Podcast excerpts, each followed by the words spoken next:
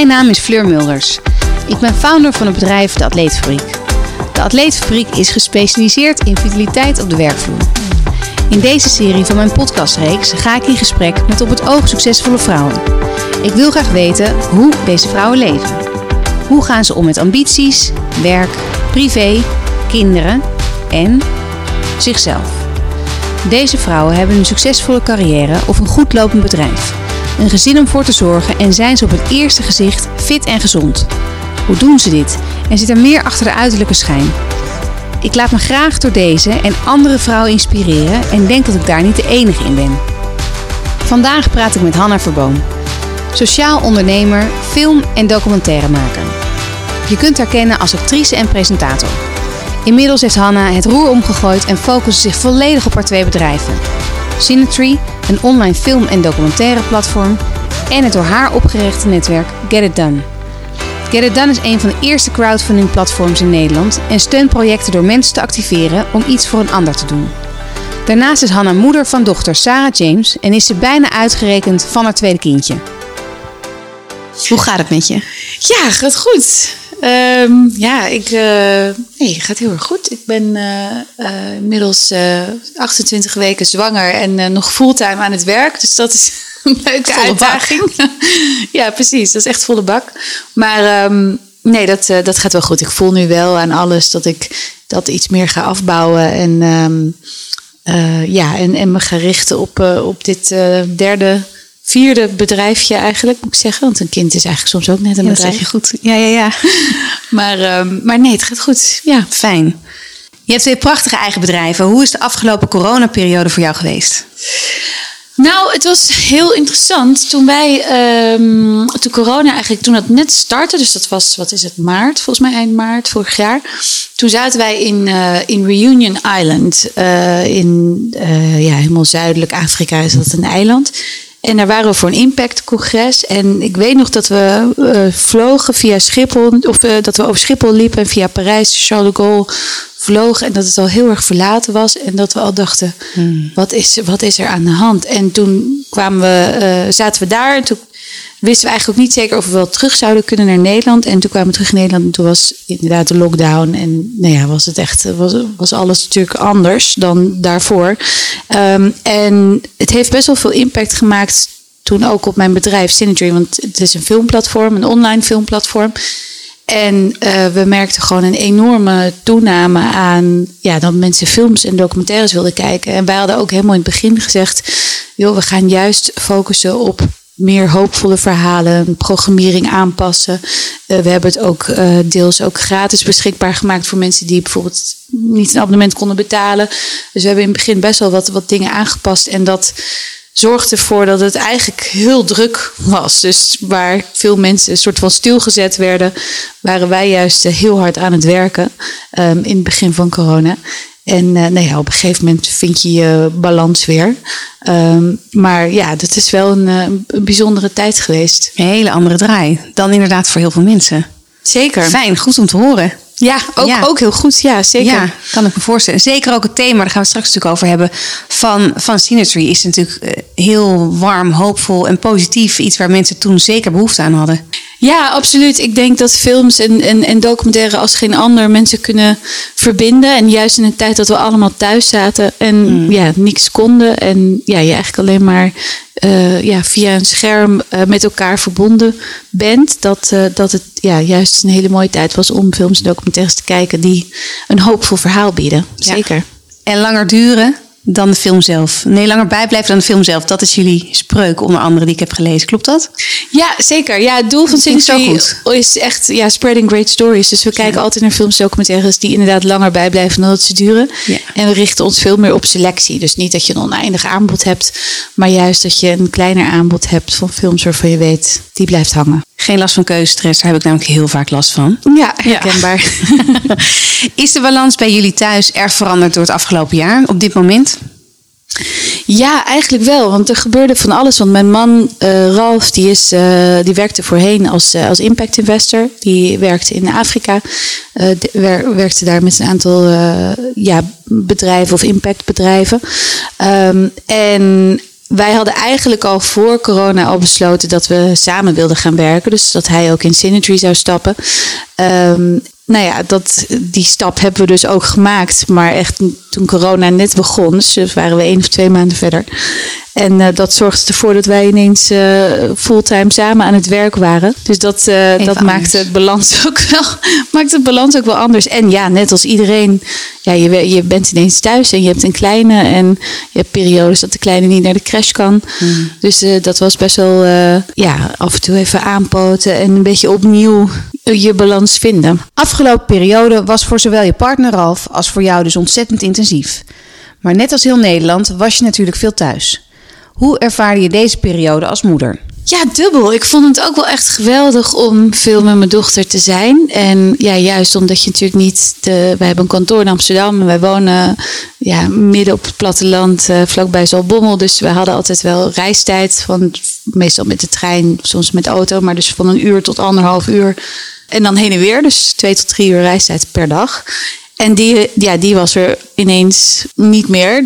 Waardoor ik ook veel meer tijd had om inderdaad uh, mijn dochtertje rustig naar de crash te brengen. Of als ze dan uh, thuis was. Uh, je hebt gewoon meer tijd met elkaar. Dus dat vond ik ook wel heel bijzonder en, en heel fijn. En ook als gezin ben je natuurlijk veel meer op elkaar gericht.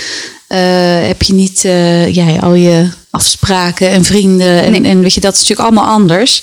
En tegelijkertijd, ja, wat ik ook wel heel erg had, is op momenten, je bent ook gewoon ondernemer. Soms moeten er dingen gebeuren. En heb je deadlines en moeten dingen af.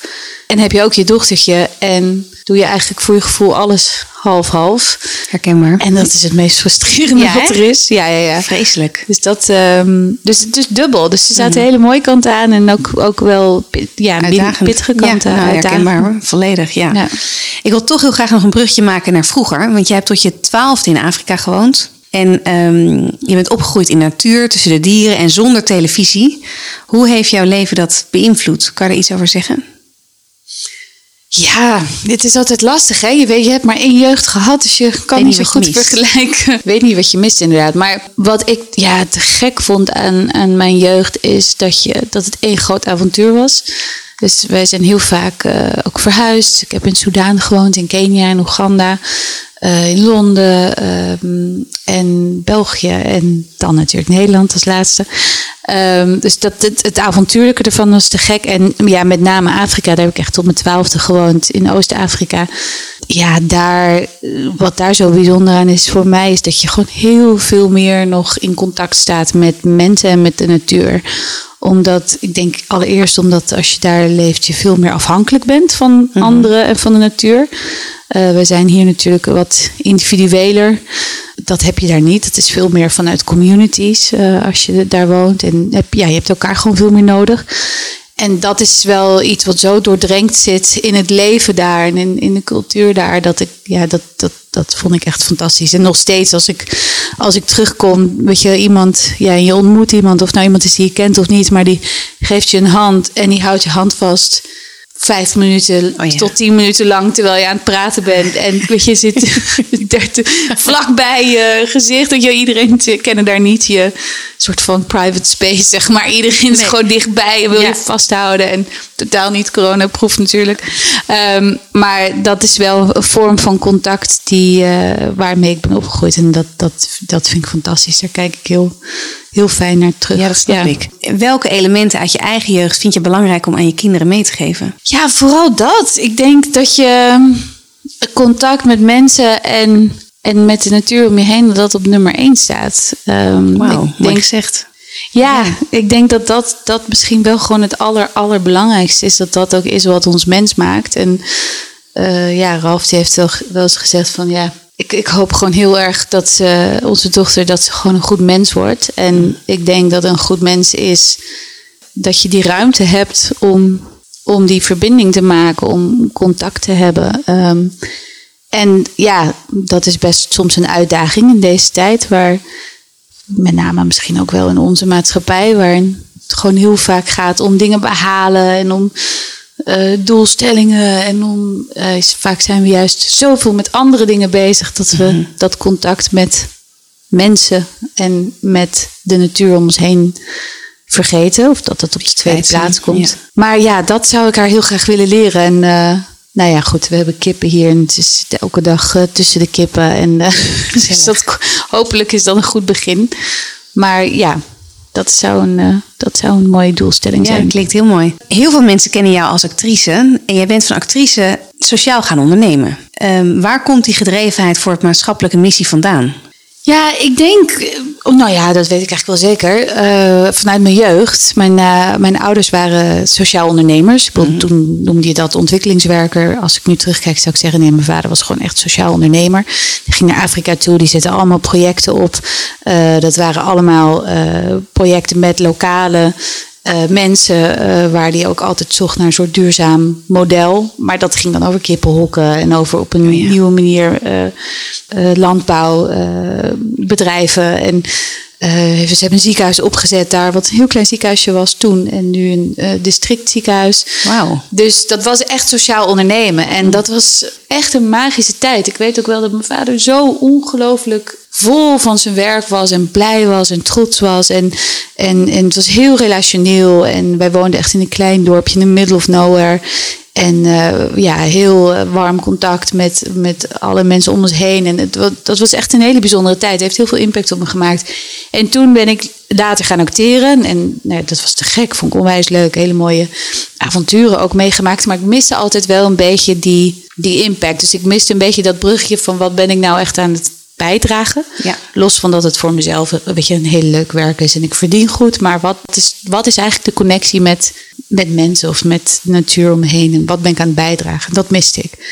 En terwijl film en, en documentaire en verhalen eigenlijk aan zich zijn de manier om mensen te verbinden, om mensen eh, ja, op welke manier ook te activeren of te te geven. inspireren, om Ja. een boodschap door te geven. Dus ze zijn juist de vorm eigenlijk ook om, om, om bij te dragen op welke manier dan ook. Dus ik dacht, oké, daar zit volgens mij wel een, een combinatie. En ehm, ja, toen, eh, toen heb ik besloten, oké, dan wil ik daar veel meer een, een brug slaan tussen enerzijds wel dat verhalen vertellen en die entertainment achtergrond, media achtergrond die Ja. ik heb, de liefde Ja. voor het ja, vertellen van verhalen. Maar wel uiteindelijk met als doel om mensen meer in verbinding te laten komen met elkaar, met de wereld om hen heen. En ja, ook dat misschien ook wel een beetje dat wijgevoel van wat ik zo erg had meegekregen in mijn jeugd. Samen doen, samen bouwen. Ja, Ja. om dat eigenlijk een beetje terug te laten komen. Je hebt dus extreem de behoefte om mensen te verbinden middels mooie verhalen. Wat is je ultieme doel met Scenery? Ja, de missie is echt om eh, positieve verhalen te verspreiden. Ehm, en we geloven heel erg dat films en documentaires een, een vehicle zijn om, eh, om, ja, om verhalen te vertellen, maar ook om een gesprek te starten. Dus eh, wij richten ons met name op arthouse films, kwaliteitfilms. We hebben een hele best wel strenge selectie. Dus we hebben elke maand eh, zo'n 15 tot 20 filmtitels, nieuwe filmtitels, eh, die we selecteren met een aantal experts en filmkenners. En, dus wij zien onszelf ook veel meer als een boutique Oh ja. dan als een warenhuis. Zoals je Netflix misschien zou kunnen zien. Waar je gewoon heel goed. veel krijgt voor eh, heel weinig geld. eh, krijg je bij ons minder, maar is het wel allemaal helemaal geselecteerd. Mm. En weet je dat elke film klopt. Ja, dus dat, dus dat is echt, eh, denk ik, het, het belangrijkste. En van die collectie is ongeveer een derde is altijd maatschappelijk relevant. Dus dat gaat altijd over maatschappelijke onderwerpen of actuele thema's. En daar gebruiken we eigenlijk de film om, het, om een gesprek te openen. Dus nou ja, goed, deze, deze maand hebben we bijvoorbeeld eh, Shoplifters, wat een film is, een Japanse film over een gezin die helemaal niets hebben in de criminaliteit eh, zitten, maar toch heel positief in het leven staan en, en echt een prachtig eh, samengesteld gezin vormen. Ehm, en dan komt Jochem Meijer, nou ja, komiek, en, eh, Oh ja. maar ook heel groot filmfan, eh, die komt daarover vertellen. Ehm, we zoeken eigenlijk ook vaak andere experts die over films en documentaires iets vertellen. Dus we, we- ja, we zoeken eigenlijk altijd de verdieping daarin in het gesprek. Interessant ook omdat alles wordt geïntroduceerd of eigenlijk weer door een ander persoon weer een andere laag krijgt. Ja, want film is ook heel persoonlijk. Hè? Ja. En eh, uiteindelijk is voor, denk belangrijk is of een film je raakt, of het iets met je doet, of het inderdaad langer bijblijft. En, en dan is het heel, heel ja, vaak interessant om van een expert of een filmkenner hun eh, Visie. visie te Ja. horen daarachter en waarom Ja. zij het hebben gekozen. Ja. Jouw tijd gaat dus inmiddels zitten in jouw twee bedrijven, Synergy en Get It Done. Want Synergy was inmiddels jouw tweede bedrijf. Jouw eerste bedrijf, Get It Done, richt je op in 2009. En omschrijf je als een netwerk van mensen die geloven dat het tijd is voor een nieuwe manier van denken. Kun je uh, uitleggen wat jullie precies doen? Ja, zeker. Ja, Get It Done is een stichting, is uh, non-profit. Um, en we hebben als doel mensen inspireren te activeren om iets voor een ander te doen. En heel erg ook vanuit het geloof dat als jij. Ja, we willen mensen helpen om te ontdekken wat je kan doen, wat je voor een ander kan doen. Omdat dat niet alleen maar iets is wat je uh, voor een ander doet, maar juist ook waar je eigen zingeving ligt. Of waar je eigen gevoel van, ja, ik kan iets bijdragen. Dus Get Done uh, begon ooit als een crowdfunding organisatie in 2009. En toen zijn we eigenlijk steeds meer gaan toevoegen.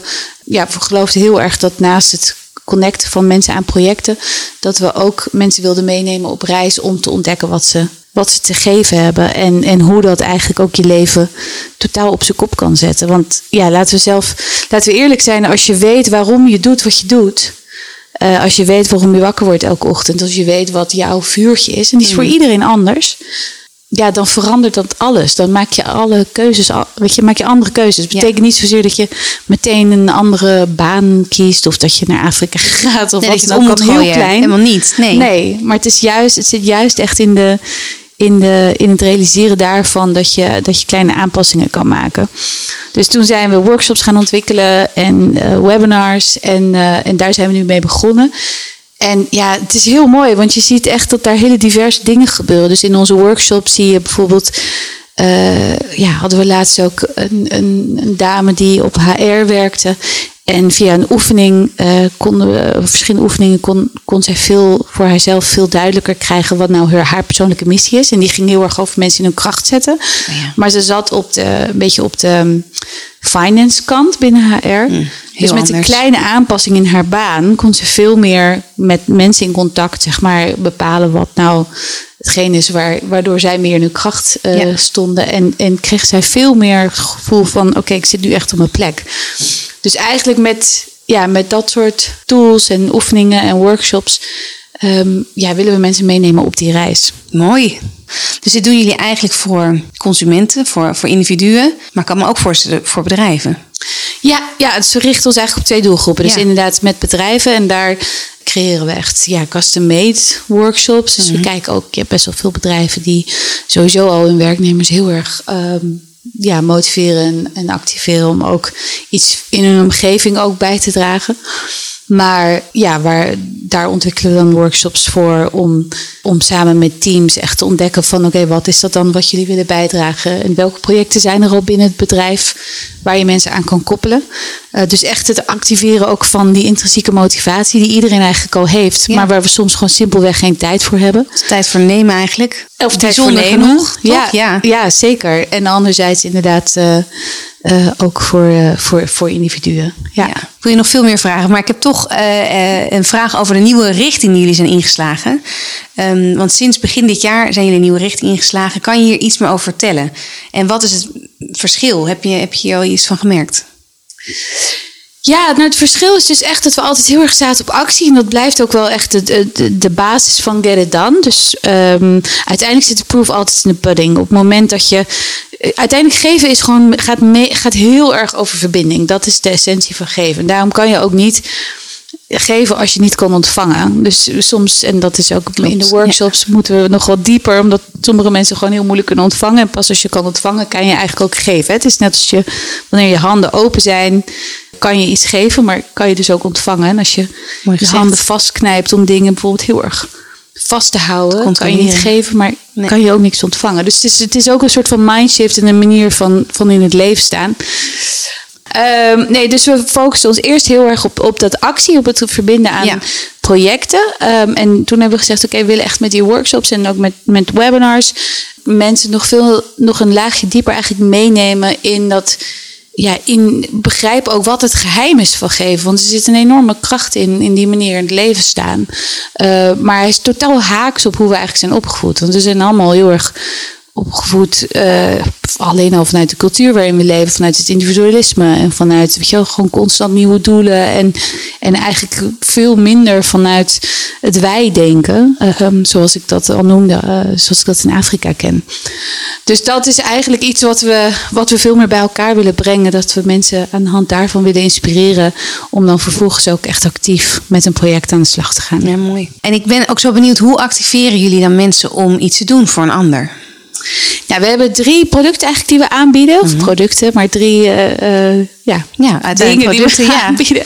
Ja. commercieel, is gewoon zo. Ja, webinars waarin we dus echt... Uh, ja, ik geloof heel erg dat je gewoon ook heel veel verhalen moet horen, voorbeelden moet horen van uh, mensen die op die manier in het leven staan. Dus die echt op, dat, op die gevende manier in het leven staan. En dat kan van, van leiderschap. Hè? Dus bijvoorbeeld servant leadership uh, is een vorm van leiderschap waarin je veel meer aan het geven bent en veel meer aan het kijken bent wat mensen nodig hebben. In plaats van dat je puur uh, winstmaximalisatie en heel doelgericht en efficiëntie, maar veel meer dienend eigenlijk, dienend leiderschap. Dat is een vorm, maar het kan ook zitten in weet je, in, in, in hele kleine dingen. Wat ik al zei, een hele kleine shift binnen je werk, waardoor je al net op een andere manier erin staat. Uh, beseffen dat als je over straat loopt en iemand kijkt je aan, dat je contact maakt en met ze een, een lach geeft. Weet je, dat is ook al geven. Het hoeft niet heel groot te zijn. Het begint juist heel klein. Meer een perspectief, als ik jou zo hoor. Dat ja, je hetzelfde kan blijven doen, maar op een andere manier naar kan kijken, wat het helemaal kan veranderen. Ja, zeker. En de wetenschap onderbouwt dat ook. Hè. Dus je maakt allemaal andere hormonen aan, um, uh, oxytocine bijvoorbeeld, uh, op het moment dat je gaat geven. Dus er zit ook een, een soort ja, positive feedback loop noemen ze in. Op het moment dat je doet, dan voel je van alles. En dat word je gelukkiger zelf. Word je gelukkiger inderdaad. En dan wil je juist meer geven. Dus ja, hoe klein je ook begint, uh, gewoon begin. En dan mhm. ga je vanzelf zien wat voor een effect dat op je leven heeft. Je, je ziet ook allemaal onderzoeken waarin je ziet de impact op gezondheid, impact uiteindelijk ook op welvaart. Ik, bedoel, ik ben best wel spiritueel. Ik geloof ook wel dat als je die meer in het leven staat, dat dingen ook veel meer op je af gaan komen. Mhm. Dus het is, het is, het is inderdaad een, een, een gedachtegoed. En, en daarbinnen proberen we mensen gewoon concrete tools te geven en handvaten en met content ook voorbeelden. Ja, om uit te nodigen om zo te denken. Om meer zo in het leven te gaan staan. Ja, dat is knap, want het gaat dus eigenlijk, ik ben ook best wel spiritueel onderlegd, maar om iets heel uh, uh, niet tastbaars. En tegelijkertijd is de wetenschap die het ook wel onderbouwt. Jullie zijn een stichting en je moet toch ook binnenkomen met, hè, met business cases en laten zien dat dit werkt. Dat vind ik echt nog wel een, uh, nou ja, een knap pakket, zeg maar, om, om neer te zetten. Dat is best wel een uitdaging. Ja, wat ik denk, ik geloof heel erg dat als je, uh, als je tijd neemt om hierover na te denken mm. en ook te kijken en ook gewoon door, door dingen ook te doen voor een ander, ook ziet hoe het, hoe het werkt, dat het enorme impact op je leven kan hebben. En dat het ook, um, als je bijvoorbeeld kijkt naar uh, burn-out en depressie, is je 25 procent uh, krijgt te maken met depressie, 21 procent met burn-out, weet je van tussen 25 en 35 jaar. Het zijn enorme cijfers waar ja. we tegenaan lopen. En als je, als je deze vragen aan jezelf stelt en jezelf de tijd gunt om daar echt in te duiken. En, en ja, veel meer ook voor jezelf scherp hebt wat dat nou is wat jij bij te dragen hebt. Mhm. Want uiteindelijk, weet je, we hebben er heel veel over purpose en het zijn allemaal een beetje mode, uh, modewoorden geworden. Maar het heeft altijd te maken met wat jij bijdraagt aan anderen of in de wereld om je heen. Het gaat nooit over jou. Het gaat altijd over wat je kan bijdragen. En dan voel je ook dat je helemaal op je plek zit, omdat we ook gewoon zo gemaakt zijn. We zijn gemaakt om in verbinding te staan. We zijn vermaakt om, uh, ja, om te geven eigenlijk en daarmee dus ook te ontvangen. Dus dat is, uh, ja, dat, dat is best wel een groot gedachtegoed en wij proberen dat wat concreter te maken. Maar ja, ik snap helemaal wat je zegt. Ik ben dan ook benieuwd naar jouw persoonlijke stukje in. Want de kracht van geven, hoe heb je dit zelf mogen ervaren? Wat is de impact op jouw leven? Ja, ik heb een tijdje in um, Lee gewoond. En uh, toen zat ik ook, even kijken, drie, vier maanden echt helemaal zonder werk. Omdat er toen de writer strike was. Dus ik werkte daar als actrice. Hmm. En ik was daar om allemaal audities te doen. En uh, ineens viel alles stil. En toen ben ik uh, via via uh, vrijwilligerswerk gaan doen met daklozen in, uh, op Skid Row. En Skid Row is een soort van afvoerputje van Los Angeles. Waar alleen maar elke hoek van de straat honderden daklozen op straat wonen. En nou ja, dat is echt heel heftig. Ehm, dan zie je ook wel hoe de Amerikaanse maatschappij in elkaar zit. Mhm. En dat wij het eigenlijk best goed hebben Ja. hier. Maar ehm, die periode heeft zoveel impact op mij gehad. Omdat dat eigenlijk kijk ik terug op eh, van de gelukkigste periodes in mijn leven. Omdat ik helemaal, ik was totaal niet bezig met mezelf. Eh, ik stond volledig open. Dus ik was de hele dag, ik stond daar op straat. En, en ja, we waren eigenlijk puur gewoon verbinding aan het maken met mensen daar. Hun verhaal aan het ho- aanhoren. Kijken wat we eventueel voor ze kunnen doen. Ehm, nou ja, ik gaf daar schilderles. Ehm, maar dat, je zat totaal in het moment. En je was volledig verbonden met, met iedereen die je tegenkwam. En, en dat was echt een hele bijzondere tijd. En dus dat heeft heel veel impact op mij gemaakt. En dan daarnaast natuurlijk ook mijn, mijn, mijn jeugd. En, ehm, dus ik, ik merk gewoon als ik op die manier in het leven sta. En als ik daarmee meer mee bezig ben met dat geven. Dan ben ik uiteindelijk zelf veel meer gelukkig. Want anders heb ik te veel tijd om na te denken over mezelf of over wat er beter kan of wat dan ook. En ja, het is uiteindelijk ook veel meer een plek van beweging, denk ik. Ja, en dat alles dan uiteindelijk een beetje float eigenlijk zoals het hoort te gaan. In plaats van dat je bedenkt hoe je het graag zou willen. Ja, dat zeker. Ja, je hebt een, ja. een boek van ehm, James Jaworski, volgens mij Synchronicity, waarin hij ook zegt van als je op het moment dat je alles bij elkaar brengt, dus waar jij, wat je skills zijn, waar je goed in bent, maar ook wat jouw, jouw, jouw persoonlijke missie is, Mm. Ja, dan gaan alle deuren open. Dan ontstaat er zoiets als wat hij dan noemt synchroniciteit. En dan gaat het ook vanzelf, want je bent dingen niet aan het forceren of je probeert, weet je, je leeft dan ook met open handen. Ja, ja precies. En ik denk dat dat, ja, dan heb je meer inderdaad. Ik denk dat dat inderdaad eh, een basis is voor alles. Voor, voor vitaliteit, voor eh, geestelijk, weet je, gezond zijn, eh, voor relaties, voor eh, uiteindelijk ook succes, hè, zoals het vaak allemaal zo gefocust op zijn, maar wat eigenlijk veel minder belangrijk Ja, is. als je dat los gaat laten, zul je zien dat er misschien wat meer op je afkomt. Dat, Ja, ja hè? dat, dat geloof ik wel. Jouw grootste learnings als ondernemer in de afgelopen jaren? Als ik jou zo hoor over hey, jouw twee bedrijven en ook al echt wel de jaren die je op de teller hebt staan. Je hebt er nogal wat op zitten als ondernemer. Wat zijn nou één of twee momenten geweest waar je dacht... hé, hey, wacht, dit, dit zou ik wel willen doorgeven aan een ander? Het allerbelangrijkste is denk ik dat je. Kijk, ik ben best wel een grote dromer en ik ben een extreme idealist. En dat betekent soms ook dan dat ik alles vandaag wil. Herkenbaar. ja. En, en, eh, eh, maar goed, om een gezond bedrijf op te bouwen, Hmm. moet je natuurlijk kleine stapjes nemen. Dus ik zeg altijd grote dromen, kleine stapjes. Eh, dat is wel ook heel erg, dat is ook echt wel een beetje mijn lijfspreuk en ook wel iets wat ik heb moeten leren. Om die Eh, kleine stapjes ook te kunnen nemen. om die kleine stapjes te nemen, ja. en om, Ik sla om- me op. ik hou van die grote stappen eronder. Maar kleine stapjes hoe het werkt. kleine stapjes naar Ja. je voeten kijken. Ja. En, eh, en dan af en toe de tijd nemen om te kijken naar het grotere perspectief. Mhm. Die is heel belangrijk. En ja, en je team. Want dat is uiteindelijk natuurlijk. Ja, je kan een mooie visie hebben. Je kan een mooie droom hebben. Maar als je het niet eh, allereerst tot inderdaad kleine stapjes kan maken. En vervolgens de mensen hebt met wie je dat gaat lopen. Ja, dan, dan Ga ik niet redden. ga je het ook niet redden. Nee. Of kom je ook niet ver.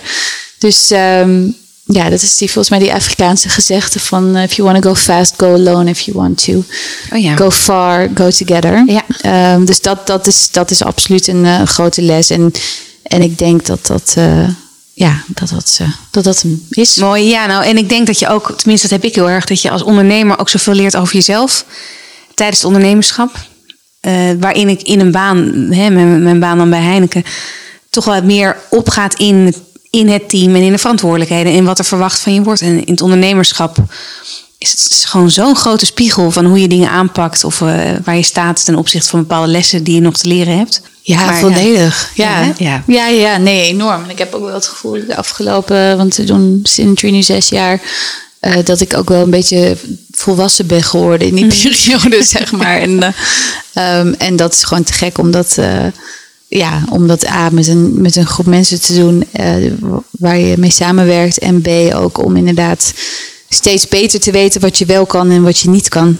Even kijken, ik wil nog heel graag een heel klein bruggetje maken naar vitaliteit. Ehm, want je hebt best een druk, klinkt zo negatief, maar een gevuld leven. Eh, en je bent in verwachting van je tweede kindje. Wat betekent vitaliteit voor jou? Waar zit het hem dan in? heb nu net heerlijke appeltaart gegeten bijvoorbeeld. Zelf gebakken. Zelf gebakken ook nog. Ja, wist ik wel. eh, Maar Niet dat ik dat elke dag doe hoor. nee, maar en het is een heerlijk huis. Het is, er zit rust in het huis. Dus volgens mij zit daar een stukje mind voor jou in, mindset. Ja, zeker. Nee, ja, de rust en thuis. Ik vind het inderdaad heel fijn om een, om een plek te hebben waar je tot rust komt. En wij hebben ook wel heel ja, specifiek gekozen om in de natuur te gaan wonen. Eh, wij woonden hiervoor in Amsterdam. Eh, maar ik denk, ja, dat is misschien een beetje flauw. Maar ik, ik denk dat dat toch voor mij vitaliteit toch ook weer terug teruggaat naar dat in contact staan met anderen en met de natuur. Dus als bij mij mijn relatie, zeg maar, weet je, als daar als ik daar voldoende ruimte voor heb en als dat zeg maar goed op zijn plek zit en, uh, en als ik hier elke ochtend de uiterwaarden in kan lopen, dat is voor mij de basis. En, uh, en ja, veel buiten zijn en veel bewegen. Uh, ik maak Bewust, nu, volgens mij ook. Op een ja. bewuste manier in plaats van gehaast. Ja, ja, ja zeker. Ja. Nee, dat, ik ben nu sinds, sinds een tijdje dat ik elke ochtend ja, vroeg een wandeling maak en dan ga ik gewoon de uiterwaarden in ja. en uh, zet ik uh, een podcast op of een muziek of helemaal niks. En dat is wel echt heel erg fijn. En dan merk je ook wel, zeker omdat ik gewoon een creatief ja, hoofd heb, dat je daarmee ook de ruimte creëert om na te denken, om dingen te laten bezinken, om uh, nieuwe gedachten te krijgen. En als je alleen maar aan het razen bent en je bent je to-do-lijst aan het afwerken, en ja, dan, dan is die ruimte er niet. Nee, dus voor mij is dat eigenlijk het grootste. Ja. Goeie goed antwoord. Tenminste, in antwoord waar ik heel veel mee kan zelf. In plaats van, stel je voor dat je nou gezegd... nou, ik bootcamp zes keer per week. Eet alleen maar uh, een bepaalde... verhang alleen maar een bepaald dieet. En dat kan natuurlijk ook. Maar ik vind dat zo'n rustig, uh, uitgebalanceerd antwoord... altijd zo fijn om te horen. Ik heb nog twee vragen waar ik heel graag mee wil afsluiten. Um, wat allereerst uh, zou je nog mensen willen meegeven... Um, na het luisteren van deze podcast? Nou, ik had, wij, deden donderdag een webinar en het thema was uh, uh, geef niet op. Wat kan ik geven als ik niet zoveel meer te geven heb? En voor mij was dat een heel relevant thema, omdat mijn moeder erg ziek is en ik eigenlijk ook best wel een beetje doorheen zat. En dan heb je net Dan gelanceerd en staat geven centraal. En dan denk je echt, nou, wat heb ik te geven, wat heb ik te vertellen, want ik zit er zelf een beetje doorheen. En we hadden een paar hele interessante interviews met een lerares die zag dat het niet goed ging met haar leerlingen en van alles heeft opgezet. Met een jongen die ongeneeslijk ziek is en die besloot zijn leven, wat hij nog heeft, in te zetten om anderen te helpen. Uh, met een ex-marinier die, nou ja, echt stuk voor stuk voor stuk levensverhalen van mensen waarvan je eigenlijk zou zeggen, nou, je hebt eigenlijk niet zoveel te geven en die juist volledig de andere kant op gingen. En dat was zo ongelooflijk inspirerend en het raakte mij heel diep. En eigenlijk ging het altijd over verbinding. Omdat het altijd ging over, ook als je helemaal niks meer te geven hebt, dan kan je wel nog luisteren naar iemand. Mm. Je kan nog wel geloven dat iemand, dat de ander jou iets te geven heeft. En dat is natuurlijk de kern van verbinding. Luisteren en geloven dat de ander jou iets te geven heeft. En, en dat is zo simpel. Dat kan iedereen. Altijd en wanneer dan ook. Maar het is tegelijkertijd misschien wel een van de moeilijkste dingen voor ons in ons drukke bestaan.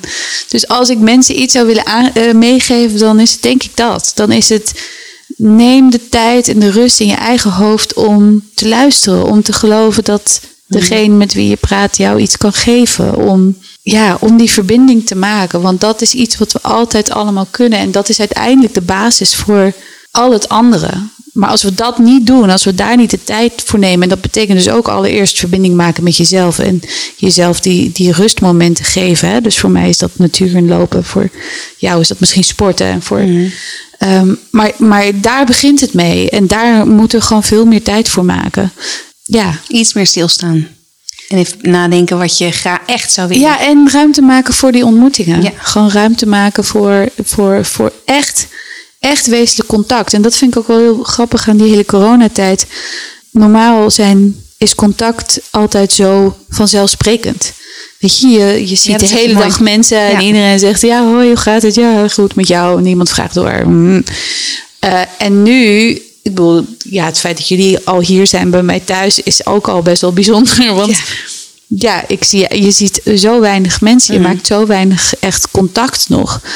Uh, dat we ook allemaal volgens mij begrijpen hoe belangrijk en hoe nodig het is om dat contact te hebben, om die verbinding te hebben. Want ja, je kan de hele dag naar je scherm kijken.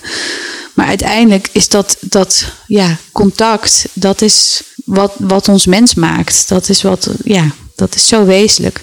Dus daar ruimte voor creëren. En, en ook als je het gevoel hebt dat je zelf iets te geven hebt. Je hebt altijd iets te geven. Want je kan altijd luisteren.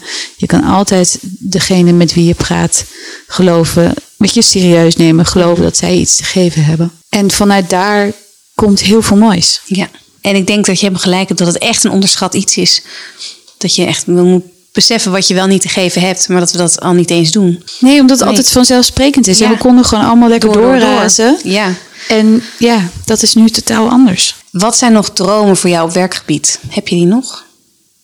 Ja, ik heb nog heel veel dromen. heb je even? Ehm, nee, die dromen die zijn er zeker. Ik denk, um, of laat ik het zo zeggen, ik heb heel veel ideeën. Ik denk, mijn droom is dat we, uh, dat we Synergy en, en Get It Done wat je, op een goede manier kunnen doorbouwen. En dat we uh, de missie van beide bedrijven kunnen uitoefenen. Dus waarin Synergy natuurlijk echt gaat over. Het gaat, uiteindelijk gaat het allebei om verbinden. En het gaat ook allebei om een beetje hoop. Want als ik kijk naar wat is mijn persoonlijke missie, dan zit die misschien wel daarin. Dus, dus ja, mensen verbinden door verhalen te vertellen waar een beetje hoop in zit, waar een mhm. beetje positiviteit in zit. Ja. Um, en dat is met Synergy, met films en documentaires en met Get It Done, is dat om, ja, om mensen echt tools te geven om daar voor zichzelf ook over na te denken. En ook over. Um, dus om, om, ja, om daar aan te bouwen met, met teams waarbij iedereen goed op hun plek zit, happy is, uh, uh, om, duurzaam die twee bedrijven verder te bouwen. Um, en, uh, en dan misschien dan mijn dochtertje die over 15 jaar. Nee, dat kan niet. 20 jaar, 25 jaar. Ze moet toch wel heel hard werken. Maar daar dan ook een rol in kan spelen. Oh weet je wel? Dus dat het meer echt ook een ja, generational bedrijf wordt. Dat, dat zou een hele grote droom zijn. Nou, vind ik echt een hele mooie om mee af te sluiten. Dankjewel voor de positieve en um, uh, inspirerende podcast. Vind ik echt, zeker in deze periode. Nou, ik ga deze podcast ook uitwerken in een voorstel voor mensen die dat interessant vinden. Dus we komen zeker bij terug, mocht je deze podcast uh, interessant vinden. Dankjewel, Anne. Leuk, dankjewel, Fleur. Leuk.